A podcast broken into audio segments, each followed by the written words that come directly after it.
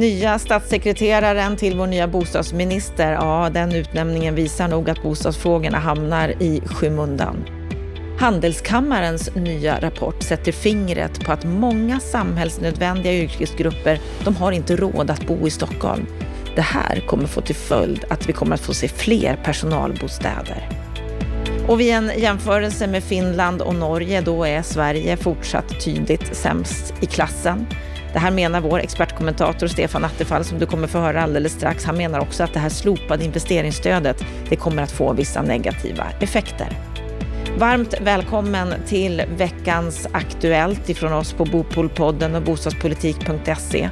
Jag heter Anna Bellman. Under veckan som har gått så har det hänt en del saker på den bostadspolitiska arenan. Bland annat så har den nya bostadsministern Johan Danielsson utsett en statssekreterare, Mattias Landgren. Vad säger du om den här utnämningen, Stefan Attefall? Ja, den är ganska intressant. Han är tidigare chef på LO och TCOs rättsskydd och har också varit statssekreterare tidigare åt andra ministrar. Eh, det här är väl ett led i precis det som jag har sett och trott, det vill säga det är fokus på det som är hans område kring arbetslivskriminalitet. Men det är inte fokus kring bostadsfrågorna. Och eh, tvärt vad Lennart Weiss hoppades på, han hoppades ju på att Johan Löfstrand som är eh, Socialdemokraternas bostadspolitiska talesperson skulle få den här rollen så blir det en person som förstärker snarare Johan Danielssons egna profil. Och det säger väl också att det är fullt fokus på arbetslivskriminaliteten, vilket säger positivt. Men eh, det är inte fokus på bostadsfrågorna. Det är uppenbart att de kommer hamna i, i ska säga, skymundan under Johan Danielssons eh, än så länge då korta tid som bostadsminister fram till nästa val. Sen får vi se längre fram. Nej, du var ju ganska kritisk i den ledare du skrev på bostadspolitik.se i nyhetsbrevet för en vecka sedan. Du tror inte mycket kommer att hända nu? Nej, men eh, kritisk, det var ett konstaterande. Det är kort tid fram till valet och det är uppenbart att det finns ett fokus. Jag menar, Johan Danielsson har fått jobbet för att jobba med arbetslivskriminalitet. Det är det regeringen prioriterar. Sen har han fått bostadsfrågorna som en sidouppdrag och eh, det kommer märkas både i prioritering av tid, utseende av personer men också vad han kommer att göra. Och eh, ja, så är det. Eh, bostadsfrågorna hamnar återigen i skymundan och det är väl som vanligt om man snarare får uttrycka sig så. En eh, riksdagsledamot som har ett viktigt uppdrag, nämligen som bostadssocial utredare, det är Carolina Skog, men hon har meddelat att hon lämnar riksdagen vid årsskiftet. Ja, hon slutar, kommer alldeles nyss det meddelandet här och hon eh, lägger av med politiken, tycker hon gör någonting annat och eh, eh hon har strax den här utredningen som hon ska slutföra då i eh, mars tror jag ska avrapportera sitt besked. Men det intressanta är också att hon skickar signaler om att hon gärna vill jobba vidare med bostadsfrågorna. Så att det är säkert en person vi kommer att få se mer av på olika ställen och sammanhang efter årsskiftet, men då kanske helt nya roller. Så att Karolina Skog gör en, ska säga, en ett karriärbyte. Det är uppenbart att hon har behov och lust att göra annat. Men en utredning ska hon leverera i mars månad. Men riksdagen verkar hon lämna. Hon är ekonomisk talesperson också och grupp, grupp, en av gruppledarna för Miljöpartiet. Men de rollerna lämnar hon alltså vid årsskiftet och ställer inte upp i nästa val. Men vi kommer förmodligen se mer av henne då inom bostadsfrågorna. Mm. Vi ska gå vidare, för Stockholms handelskammare har tillsammans med Evidens konstaterat i en ny rapport att det finns många samhällsbärande grupper som inte har råd att bo i Stockholm. Och det är flera medier som har plockat upp det här. DN skriver bland annat poliser, brandmän, undersköterskor, förskolepersonal har svårt att hitta en bostad i Stockholm.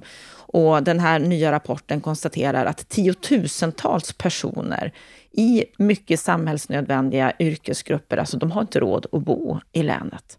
Mm. Oroande. Ja, och den här utvecklingen vi håller på att få att eh, stora grupper som sagt var som ska stå för mycket av det som vi anser vara självklart, som, som du räknar upp här. Va? Eh, och det här är ju farligt därför att det skapar också mycket sämre förutsättningar att rekrytera och att eh, helt enkelt att vi ska ha förskolelärare till alla våra barn och vi ska ha poliser och brandmän och allt sånt här. Eh, och det här beror ju inte på att det är dyrt i sig själv att bo utan att eh, just att eh, eh hyresmarknaden inte är så rörlig som den skulle behöva vara. De nyproducerade hyresrätterna är dyra och de eh, ska vi säga, bostadsrätter och småhus som man vill köpa de är för dyra därför att man ställer så stora krav på egenkapitalinsats, amorteringskrav och liknande saker. Alltså kreditrestriktionerna. Det är inte boendekostnaden i sig själv som är för dyra. Och det här är en konsekvens ytterligare av att vi har en, ska vi säga, bostads och kreditpolitik som inte hänger ihop med varandra. Så jag tycker undersökningen är intressant, den är viktig och den sätter tummen på någonting som eh, måste vara ett politiskt eh, prioriterat, eh, prioriterad fråga. Men som hamnar i skymundan nu också. Och kopplat också till vad, vad jag sa tidigare. Eh, det finns inte den här typen av frågor på, riktigt på agendan hos regeringen och riksdagen på det sätt som skulle vara önskvärt. Andreas Hadzigeorgiou som är VD på Stockholms handelskammare, han säger så här i artikeln i DN att det är nedslående. Det bekymrar mig att vi på lång sikt kan sätta krokben för oss själva. Mm. Det är ju alltså det vi gör, precis som det du säger. Det är inte dyrt i sig att bo, utan det finns saker som ja. gör att vi sätter krokben. Ja, och vad som kommer hända det är att du kommer få se olika företag, olika eh, arbetsgivare, offentliga, privata, som måste börja arrangera egna lösningar Alltså förr i tiden hade vi de här personalbostäderna. Ni vet att det Karolinska sjukhuset hade egna personalbostäder för, för sjuksköterskor och vårdbiträden och liknande saker. Och det kommer att få se mer av den utvecklingen. Alltså man blockförhyr, man eh, skaffar sig egna bostäder. Vi kommer att återgå till en sån ordning för de här större arbetsgivarna som har resurser att göra detta. Eh, vi får se sådana lösningar tror jag mer och mer av. Men eh, problemet är ju den här unga människan som ska komma till Stockholm och få sitt första arbete. Och särskilt de här yrkesgrupperna som vi talar om här, undersköterskor och brandmän, alltså där är ju lönelägena också sådana att de är relativt likartade var den jobbar i Sverige så att det finns inte så mycket högre löner där. I privat sektor så kan du kompensera en del genom högre löner och sådana saker. Men det finns inte samma förutsättningar i den här typen av yrkesgrupper. Så att det här är ett stort eh, problem, men eh, det kommer att sätta sina spår på bostadsmarknaden i framtiden. Problemet är bara att det tar så ruskigt lång tid att lösa de här problemen så det kommer mycket av eh, mycket konversioner på vägen. Ja, och samtidigt kan vi också konstatera att bostadspriserna de bara ökar. Det är Svenska Dagbladet som skriver nu i veckan att bostadsmarknaden i Stockholms innerstad sätter nytt prisrekord. En bostadsrätt kostar nu i snitt 109 000 per kvadratmeter. Ja. Och man beskriver marknaden som lika het som våren 2017. Mm. Det är för de som har råd, de som har pengar, de som har kapital, de som har en bostad. De har råd att vara med i det här racet och eh, människor har ju eh, ska säga, goda reallöneutvecklingar och, och eh, räntorna är fortsatt låga och eh, befolkningsökningen fortsätter ju fast mycket lägre takt. Men det här gör att det skapar tryck på de här typerna av bostäder. Men det stänger också ute grupper som inte kommer in på bostadsmarknaden överhuvudtaget. Ja, vi pratar om att bostadsfrågorna inte har så hög prioritet, varken hos politikerna eller när det gäller olika typer av, av stöd. Och vi fortsätter i den svängen så att säga, för att Hyresgästföreningen de har påbörjat ett nytt projekt där de genomlyser bostadspolitiken och jämför med våra grannländer. Och i veckan så har man presenterat två landrapporter om Finland och Norge som visar att Finland, ja de satsar ju betydligt mer på sin bostadspolitik än vad Sverige gör och även Norge satsar betydligt mer. Mm. Vad säger de här rapporterna? Ja, de beskriver ju att varje land har helt olika ska säga, bostadspolitiska strategier och utformningar men de fångar just en mycket intressant sak och det är också hur mycket satsar man ekonomiska medel i relation till sin BNP på bostadspolitik. Eh, Veidekke, eh, eh jag och, och Lennart Weiss eh, jobbar med, mycket med frågan. Vi gav ut en rapport för ett tag sedan, eh, några år sedan nu, där vi satte upp rubriken Sämst i klassen. Sverige är alltså sämst i klassen, inte i första hand kanske hur bostadsmarknaden ser ut utan just hur man prioriterar offentliga resurser och hur man eh, fokuserar på bostadspolitiken. Och Sverige ligger alltså mycket dåligt till. Eh, räkneexempel de har det är att Finland satsar ungefär 2% av BNP på bostadssektorn på olika sätt och Norge 1,5 procent och Sverige ligger på 1 procent, alltså halva eh, ambitionsnivån än Finland. Sen gör Finland på, på ett olika sätt. De, där jobbar man med marknadshyror i stora delen av hyresbeståndet och så jobbar man mycket subventioner till bostäder för människor med lite svagare inkomster. Det var en annan typ av upplägg eh, och Norge har ju en mycket svag, ska vi säga, hyressektor i den traditionella meningen som vi känner i Sverige. Men där är man mycket mer av eget ägande även för människor med, med eh, måttliga inkomster och mycket av att man hyr ut sin del av sin bostad eller har en ägarlägenhet och hyr ut till eh, andra människor. Så det finns olika strukturer på bostadsmarknaden. Det finns plus och minus med allt. Men ambitionsnivån från politikens sida är alltså högre i våra nordiska grannländer. Det tycker jag är en intressant slutsats och det belades också i vår rapport för några år sedan, sämst i klassen.